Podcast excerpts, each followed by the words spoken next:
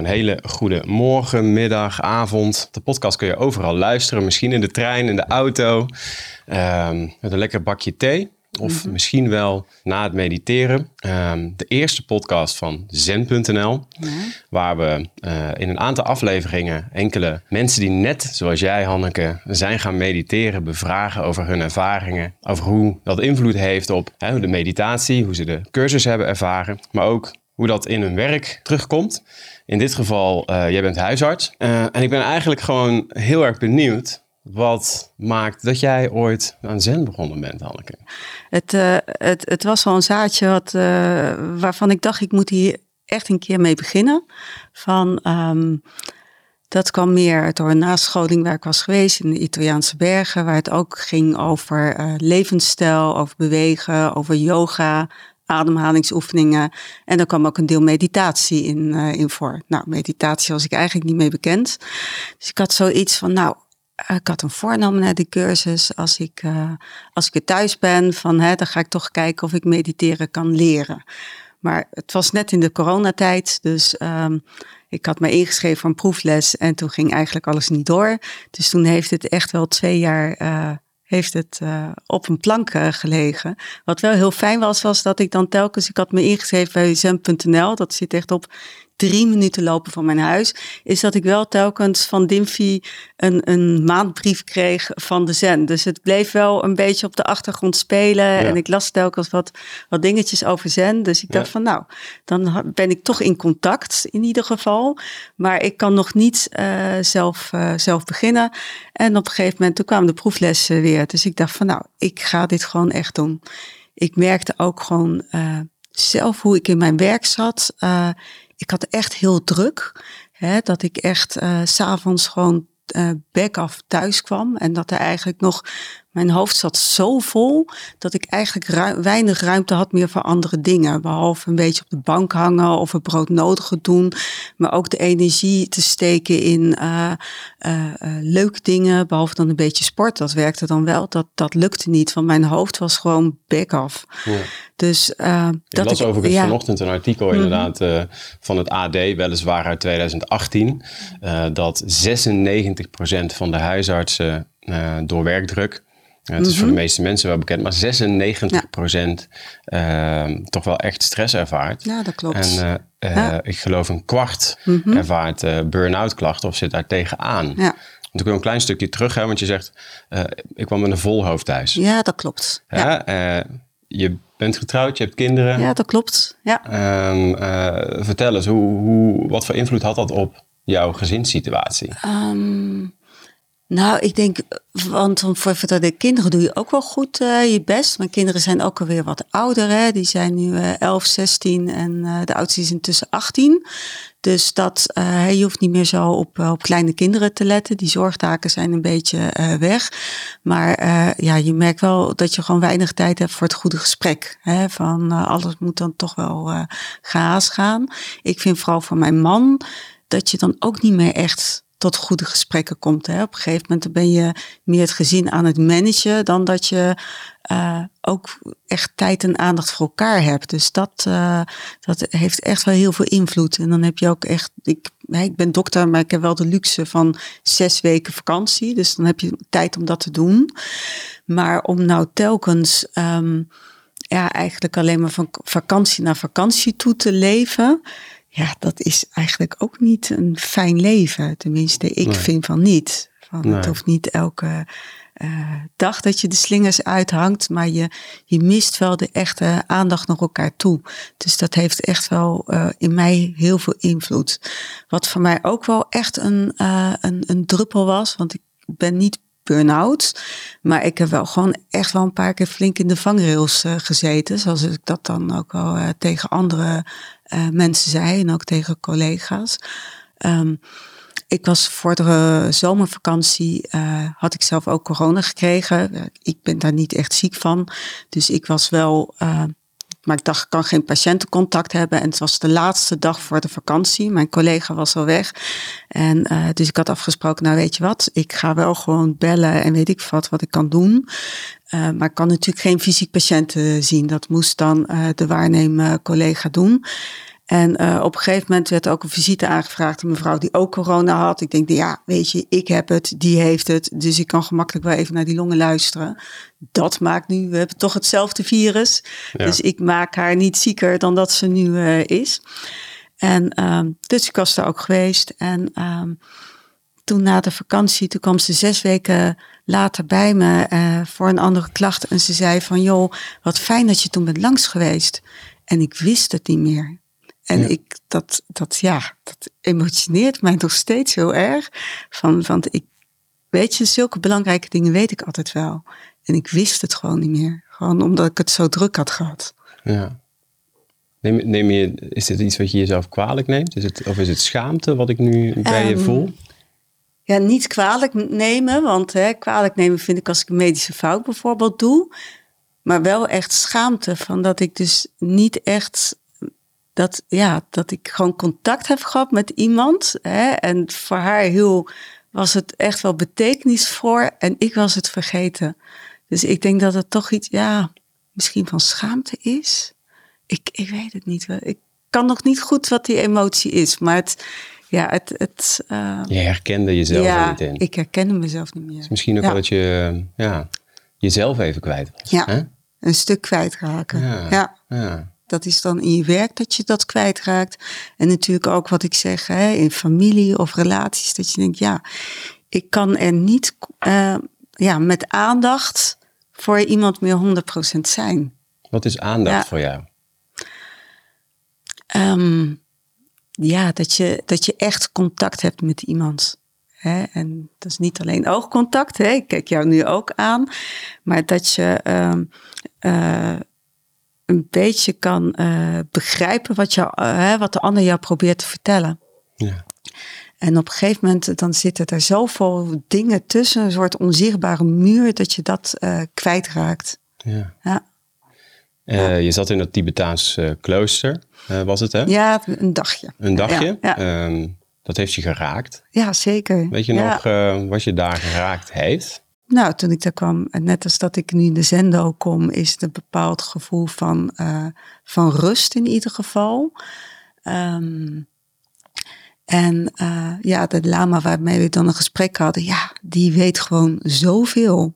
En uh, wat ik heel mooi vind hè, van het Tibetaanse boeddhisme is met enorm veel rituelen. Um, maar dat ik daar dan toch de rust kon vinden. Ik heb daar ook gewoon gemediteerd. Want ik denk, nou, ik doe wel gewoon mijn zen-meditaties tussen al het, uh, al het andere. Nou, wat ik, uh, wat ik daar heel fijn vond, hè, want we hadden een gesprek met de lama, met, uh, met andere artsen en noem maar op. Um, was eigenlijk hoe hij begon. Van echt elke vorm van uh, communicatie interactie. Van wat ik jullie ga vertellen verandert jullie. Maar wat jullie mij teruggeven verandert mij ook. En dus dat hij echt een relatie aanging met ons Ja. op dat moment. Jullie En- zijn mijn leraar ook. ja. Ja. dus dat vond ik ook echt heel bijzonder. Ja. Hoe, hoe was dat voor de collega's? Want je bent arts, je bent vrij wetenschappelijk opgeleid. Nou, wat, ik wat- denk wat, wat, vooral, deden jullie ja, daar? Ja, nou ja, ik denk in die nascholing is denk ik ook wel een klein groepje eh, artsen die al met een bepaald gevoel daar naartoe gaat. Hè? Dus dat, eh, dat is denk ik ook wel anders. Hè? Er zat ook een, eh, een arts en zij, eh, ja, ze heeft al tien jaar heeft ze zen eh, gedaan. Dus ehm, ja, toch gewoon mensen die toch een beetje zoekende zijn en hun eigen pad eh, Ja. kiezen. Nu heb je de eerste introductiecursus gedaan. Dat klopt. Wat, wat, wat heb jij uit deze cursus meegenomen? Als je Mhm. nu eh, op je werk zit of je moet iemand op een verjaardagsfeestje of een collega vertellen wat jij doet daar, wat vertel je dan? Um, ja, wat ik uh, vertel, of ik uh, had het toevallig vrijdagavond hadden we het nog over. Een, uh, hè, een praktijkondersteuner van mij die nam afscheid. En vroeg dus ook mijn collega van nou, hè, van wat doet Zen nou voor je?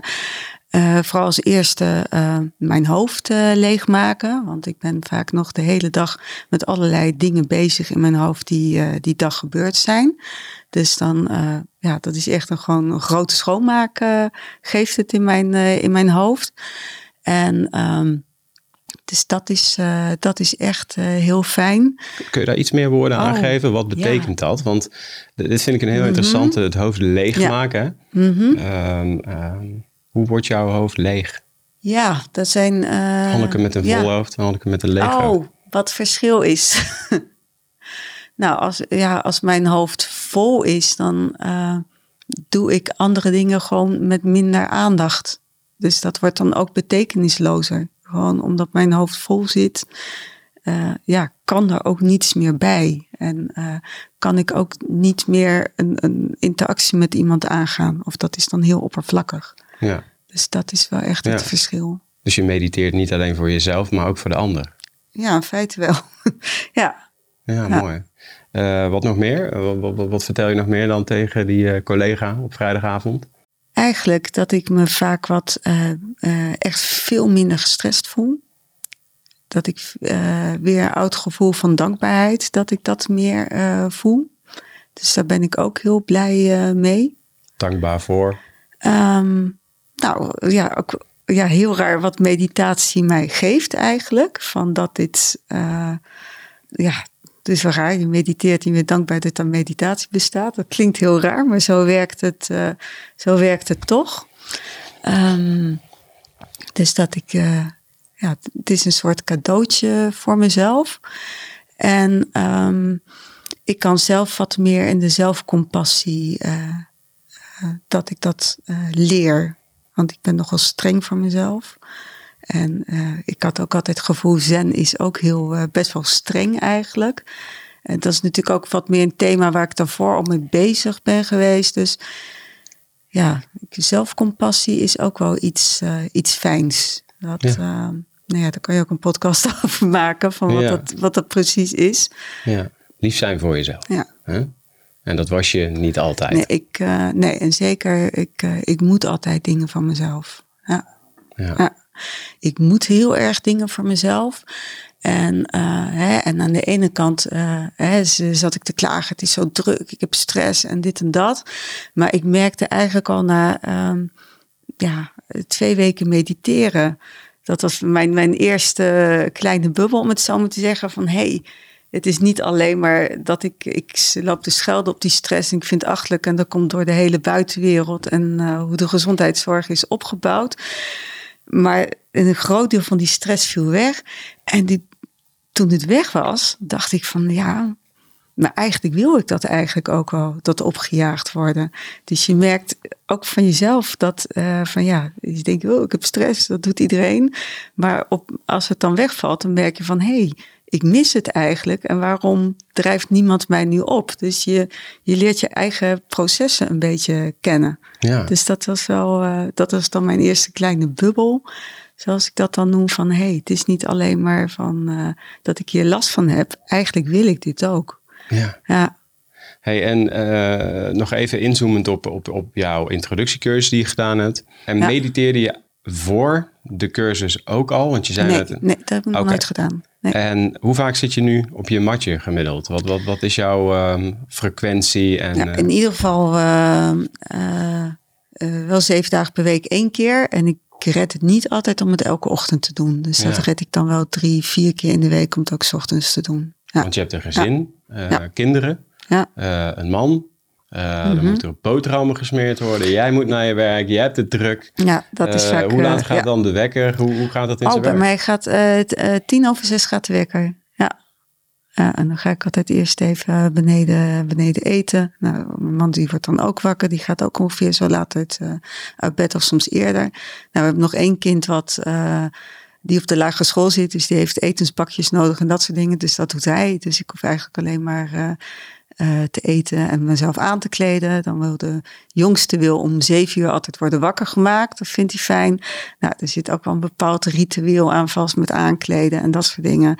Dus ik, ja, meestal kwart over zeven. In ieder geval voor half acht vertrek ik uit de deur. Want ik ben wel een half uur onderweg. Ja. Ja. Dus je mediteert dan, als ik het zo hoor, vaak s'avonds. Ja, in ieder geval altijd s'avonds. Ja. En ook wel eens overdag? Ja, ja, ja, dat doe ik ook al. Bijvoorbeeld donderdag, dan eh, werk ik een halve dag. Dus dan eh, mediteer ik wat meer eh, als ik thuis kom. Dus rond de uur of twee en dan ook s'avonds. Ja. Ja. Ja. Maar mijn ideaal is... Ik heb een opleider en die trok zich ook altijd om twaalf uur even terug. Eigenlijk wil ik wel zou het fijn zijn als ik op mijn werk gewoon een meditatieplekje zou kunnen creëren. Ja. Dat zou ik eigenlijk wel heel fijn vinden. Om dat ook, net zoals wat hij vroeger deed, gewoon om half één even te gaan zitten. Ja. ja. Ja. Eh, op onze ruimte hebben we nu alleen in de- voorraadkast hebben we nog plek, geloof ik. Dus het wordt even, even zoeken. Ja. Alle bezems eruit en eh meditatiekussentje erin. Ja. Hey, en ehm, je bent eh, religieus opgevoed. dat klopt. Ehm. Wat voor jou de relatie tussen het christendom en het boeddhisme? Ehm, heb je daar eh, herinneringen nog aan? Ben je streng gelovig Oh, geweest? Ja, ja, ja, ja. Nou, het was een, het was een heel. Ja, hè, van eh relatie is echt nog een beetje pijnlijk. Ik merkte het, ik was in het klooster. En toen eh, vroeg dus ook eh, iemand aan mij van... Goh, hoe ben je, ben, je, hè, ben je nog spiritueel opgevoed? En het eerste wat ik deed was gewoon heel hard huilen. Dus. Dat ik dacht van, oh, weet je, terwijl eigenlijk als kind, hè, we zijn eh gereformeerd opgevoed. Nou, er zijn eh, honderd gradaties eh, zijn daarin. Dus hè, ik heb ook familie, dan mogen de meisjes geen broek aan, dat soort dingen. Nou, was bij ons ook. was bij ons niet in ieder geval. Hè, voor mij was altijd heel streng gereformeerd. Was voor mij twee keer op een zondag naar de kerk. En wij gingen maar één keer. En ik heb eigenlijk als kind ook wel hele leuke dingen eh, gedaan. Hè. Van, eh, vanaf mijn zesde zat ik in een kinderkoor, dat soort dingen. Ik zat op een christelijke basisschool. Nou, ik kende eigenlijk wel echt wel de hele Bijbel zo'n beetje uit mijn, eh, uit mijn hoofd, Ja. geloof ik. En ehm, wat voor ons anders was, wij zijn ook verhuisd op een gegeven moment. Wij gingen van Scheveningen naar Den Haag toe. Nou, op zich is dat een hele kleine afstand. En nou, toen gingen we ook niet meer naar de kerk of noem maar op. Mijn ouders die voelden zich daar denk ik niet zo heel erg thuis. Maar ja, vanaf mijn puberteit kwam ik gewoon met vragen te zitten. Van joh, hoe zit dat nou precies? En kreeg ik eigenlijk steeds meer weerwil tegen echt dat hele eh, zware geloof. Ja. Van eh, dat ik iets had van ja, hè, bepaalde dingen. ehm, hè, ik wil niet zeggen dat de Bijbel fout is of iets anders. Maar in ieder geval wel eh, ja, de manier waarop het verteld wordt, dat, dat klopt niet helemaal. Ik, ik was wel echt als kind wel bezig met, eh, met religie. Je was ook heel geloof? bezig met vragen. Ja, heel erg met vragen. Ja, ja. Ja. En op een gegeven moment ehm, Wil je wat water ja, trouwens? heb ik dat ook wel weer een beetje, eh, een beetje losgelaten. Mhm. Ehm, ja, ik zit even te denken. Nou, mijn Ja. vraag was, wat Ja. is de relatie Dat is de tussen voor jou tussen, Ja. tussen jouw eh, eh, christelijke achtergrond eh, en zie je daar een relatie en tussen het boeddhisme nu? Ja, wat- en daar gaf je ook wel aan dat, dat je echt, ik zag ook even verdriet bij je. En ik- Ja, dat klopt. Er zit bij mij van het oude geloof nog heel erg veel verdriet. Maar ik, ik mis wel een bepaald, hè, die behoefte, die, die, die verbinding of zo. Ja, Ja. die, daar ben ik nog aan, eh, aan het zoeken. Kun, je daar, kun je dat dus ondertitelen, verbinding? Eh, heb je het dan over de verbinding vanuit het boeddhisme? Ja, Ehm, ik denk, ja, ik heb toch heel erg behoefte in mijn leven dat bepaalde dingen toch wel een bepaald, eh, dat je nou op een bepaald pad zit en dat je een bepaald doel hebt en dat het goed is. ja. Ja. ja. Heb je daar een voorbeeld Ja. van? Nou Ja, hè, van in mijn vak eh, heb je toch zoiets van, ja, je hoopt dat je eh, goed doet voor mensen. Van, dat is natuurlijk, ja, geneeskunde is natuurlijk wel van, goh, eh, mensen worden ziek. Dus eh, het is niet alleen of je de goede diagnose stelt of dat soort dingen. Maar ja, uiteindelijk, hè, als je een praktijk hebt, gaat toch heel veel mensen gaan dood. Je komt in een praktijk en je weet gewoon van, nou, binnen 30 jaar, hè, als je als je ergens gaat werken als je 30 bent, er zitten heel veel mensen van, van 50, eh 60 plus. Van heel veel mensen zullen dus een ziekte krijgen waaraan ze gaan overlijden terwijl jij hun huisarts eh, bent. Dus je, je probeert dan toch altijd het goede te doen voor mensen. En af en toe eh, heb ik wel zoiets van, joh, heeft het wel allemaal zin of zo eh, waarvoor, waarvoor ik hier ben? Ja, ja. ja. Ja. Dat is een grote uitspraak. ja zeker. Ja. ja. ja. Ja, maar dat gaat ook niet alleen met mijn werk of zo. Dat heb je ook, heb ik ook wel met mijn kinderen opvoeden. Van ja, heb je toch ook wel iets van, joh, hoe kan je ze eh, ja, een beetje eh, zorgen, mijn best doen dat ze, hè, dat je ze goed opvoedt en dat ze, hè, dat ze een eigen pad kunnen kiezen, dat ze autonoom kunnen beslissen. Eh, ja, ik hoop dat ze een beetje leuke mensen worden. Van Ja. hoe kan ik daaraan bijdragen? Ja. Ja. Hey, waar ik ook heel benieuwd naar ben, want jij bent dokter. de gesprekken van tegenwoordig zijn ontzettend kort. Dat klopt. Ehm, hè, eh, Ja. tien minuten geloof ik. Ja. Klopt dat? Eh, dan heb je nog verwerkingstijd nodig. Mhm. Ehm, eh, ja, ik denk dat het bijna onmogelijk is om, als we het hebben over aandacht hebben voor Mhm. iemand, ehm, ja, om echt aandacht te hebben. Wat vertel je tegen jouw eh, patiënten eh, die binnenkomen? Eh, is bijvoorbeeld meditatie of yoga ook wel voor mensen die vastlopen iets waar jij mensen eh, Oh, mee verbindt? Ja. Ja? Ja. Weet je dat al of doe je dat pas sinds je zelf ja, nee, nee, nee, dat deed ik al. Van wat ik een voordeel heb, eh, we hebben ook een praktijkondersteuner voor, eh, eh, hè, voor psychische klachten. En zij zit veel meer in de yoga dan dat ik zelf heb gezeten. Dus, ehm, dus daarmee hebben we dan wel eens overleg. En we hebben ook al een tijdje wat langer, hè, dat de mensen, eh, ja, een beetje in de coronatijd kregen gewoon heel veel mensen met spanning en psychische klachten. Dus we hebben wel online hulpverlening van goh, hè, probeer dit eens, probeer eens ademhalingsoefeningen en noem maar op. En zeker, er zijn gewoon heel veel mensen met angstklachten. Dus die proberen ook allemaal van joh, hè, merk wat er gebeurt met je lichaam. Dus eh, ja, ik, ik werkte er toch wel echt heel veel mee. Ja. Ja. En ik zeg ook altijd tegen mensen van, joh, als je spanning en stress, eh, probeer dit, probeer dat. Ik, eh, het is wat je zegt, het is heel kort, dus ik kan er niet heel lang over eh verwijzen. Maar eh, hè, dan via de, de website laat ik zien van, nou, dit en dat. Hier een blokje van, nou, hè, dit is mindfulness. Van, goh, je kan eens kijken, is dat wat voor jou? En ik laat het ook wel open kijken voor mensen wat werkt. Hè. Niet voor iedereen is op dit moment van het leven is dit heel fijn. Ja. Uh, nou, sterker eh, nog, het ja. kan heel confronterend zijn. ja, Om zeker. in de Ja. stilte te gaan. Ik denk Zeker. zelfs dat het En schadelijk zeker kan zijn. Met, met mensen die echt met enorme angstklachten zitten, kan het, hè, heb je natuurlijk ademhalingsoefeningen, maar soms is de stress zo hoog, dan gaan die mensen alleen maar hyperventileren van, eh, van ademhalingsoefeningen. Ja. Dus dat, dat kun je niet via een website doen. Daarvoor hebben we wel weer een eh psychosomatische fysiotherapeut die Ja. wat meer erop kan, kan gaan zitten. Ja. Maar zeker met acute stress of zo is dat wel heel lastig. Het is meer van mensen met de burn-out en de werkstress. En wat moet ik nou? Of ik voel me niet gewaardeerd. Ehm, dat ik denk van ja, hè, misschien kan dit bijdragen. Hè, om eens rustig gaan, gaan zitten van hè, die, dat je niet gewaardeerd van wat, is- wat is dat nou precies? Hè? Want Ja.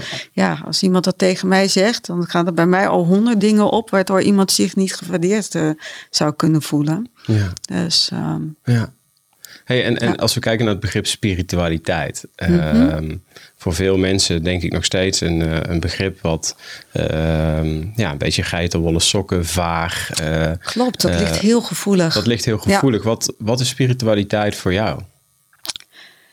Ehm, ja, spiritualiteit voor mij is eigenlijk dat je eh, een verbinding aangaat met de wereld. Ja, en dat is dus echt heel groot. Dus dat is met mensen, maar ook met de, met de natuur, hè, hoe we met de aarde omgaan.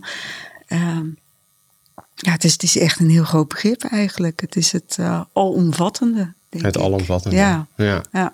En als we dan kijken naar dat alomvattende in relatie tot de, eh, de, de westerse gezondheidszorg.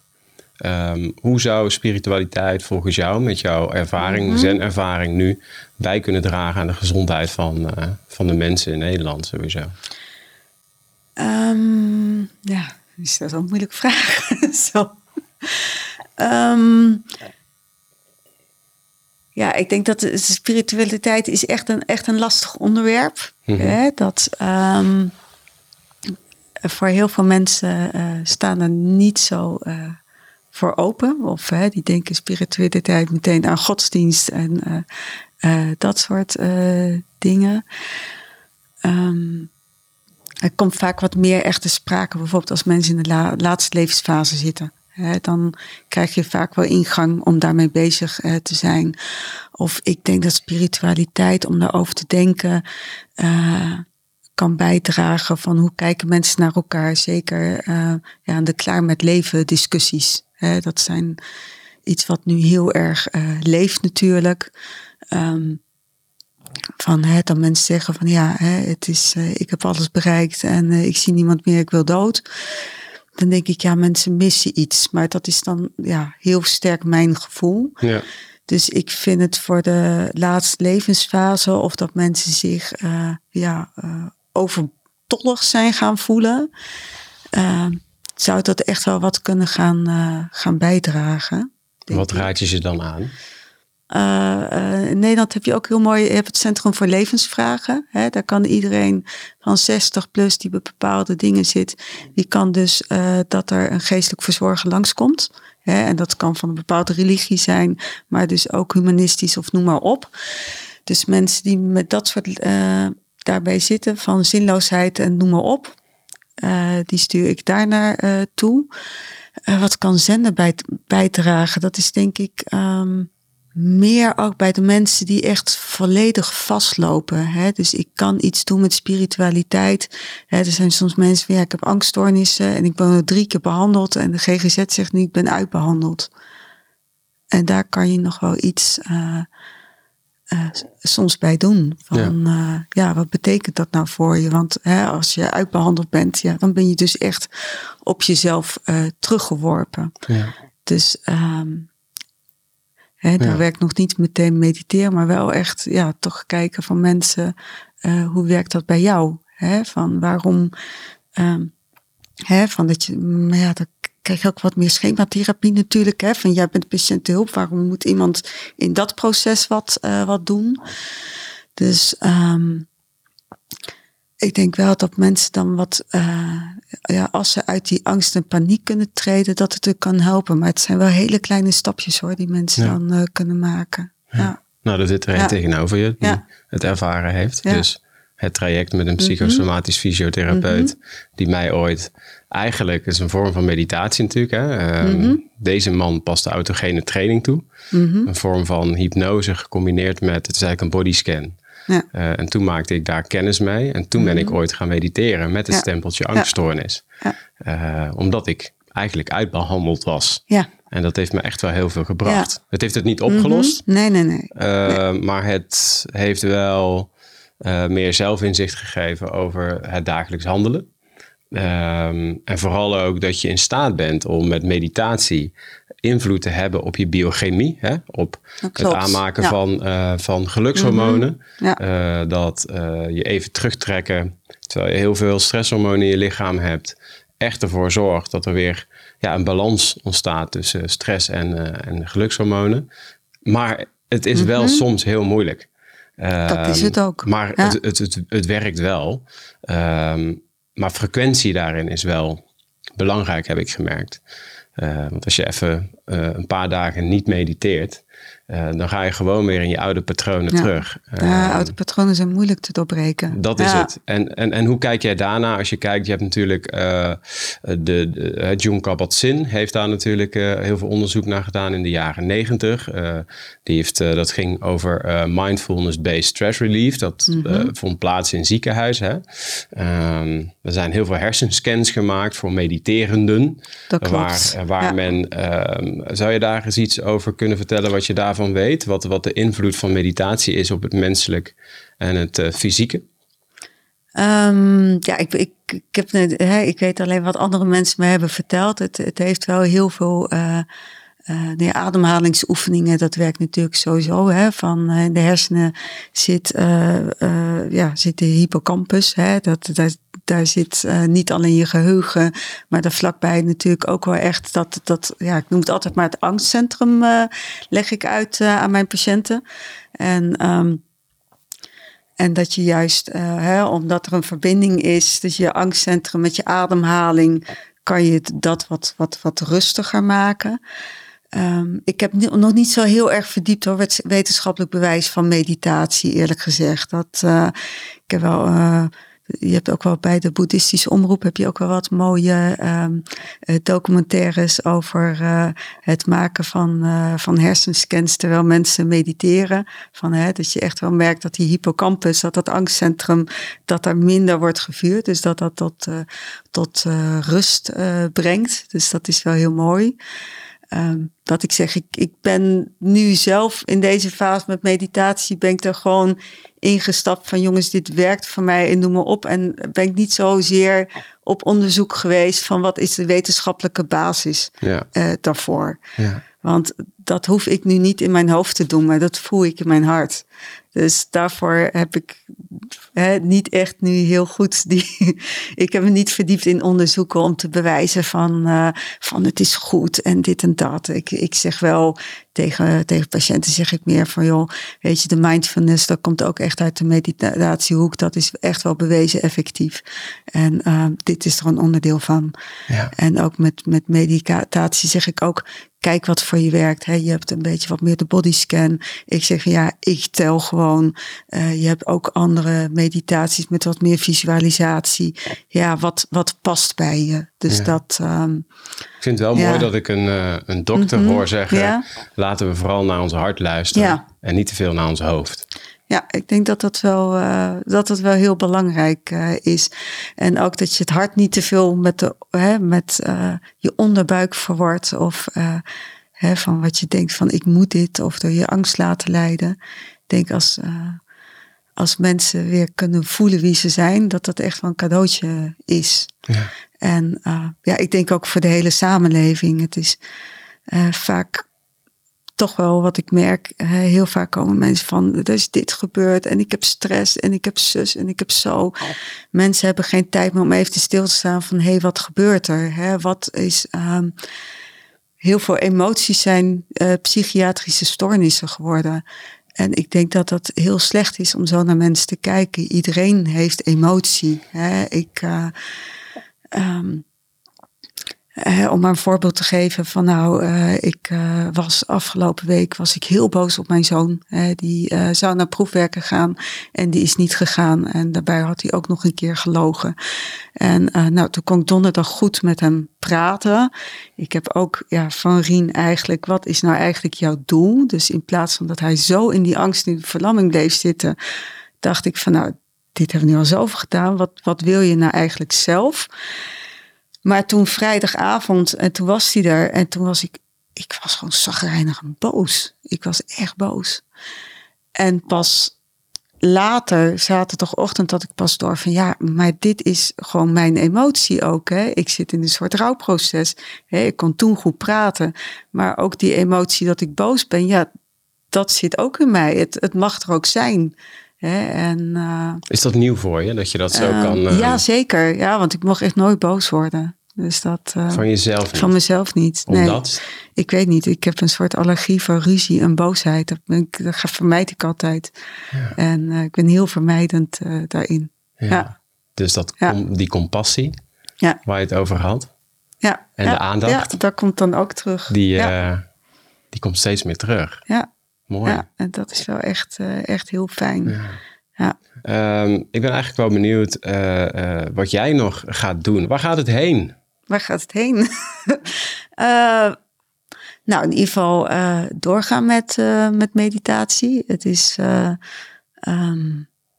Ja, ik, ga, ik heb nu één cursus gedaan, dus ik ga de volgende cursus ga ik doen. Dus daar ben ik heel nieuwsgierig naar eigenlijk. Van voel wat je wil voelen. Want daar heb ik ook een, allemaal ideeën en gedachten Want je natuurlijk eerst leer over. denken wat je ja, wil denken. wat je wil denken. En nu ja. ga je leer voelen wat je wil Niet dat ik daarmee klaar ben natuurlijk. Nee. Maar ik vind uh, leer voelen wat je wilt voelen, vind ik ook echt heel interessant. Hè, want uh, ja, dat is een beetje hoe ik, er, hoe ik in elkaar zit. Dus ik ben heel erg benieuwd wat mij dat, dat brengt. En ik krijg gewoon weer dat ik merk hè, van heel veel dingen. ja, ik, krijg, ik word weer gewoon weer wat nieuwsgieriger in het leven. Dus dat brengt me wel heel veel. Ja. Het is echt ook een avontuur. Ja. Hey, en wat zou je mensen in je omgeving, patiënten, uh, jij hebt nu uh, deze cursus gedaan, het heeft je heel veel gebracht. Mm -hmm. Wat zou je ze mee willen geven? Ja, ik heb net zo'n reclameleus komt in mijn hoofd van eigenlijk is mediteren echt een cadeautje voor jezelf en ook voor een ander. Ja. Dus gun het jezelf om gewoon één of twee keer per dag gewoon even uh, stil te staan. Ja. Ja, mooi. Een cadeautje. Ja, het is echt een cadeautje. Ja. Dankjewel. Nou, Daar kan ik niks meer aan toevoegen. Leuk dat Ja. je even op deze zondag voor de luisteraars eh, langs bent gekomen. Dus eh, fijn dat je er was op deze zondag. Nou, eh. dankjewel voor de uitnodiging. thanks. Ja.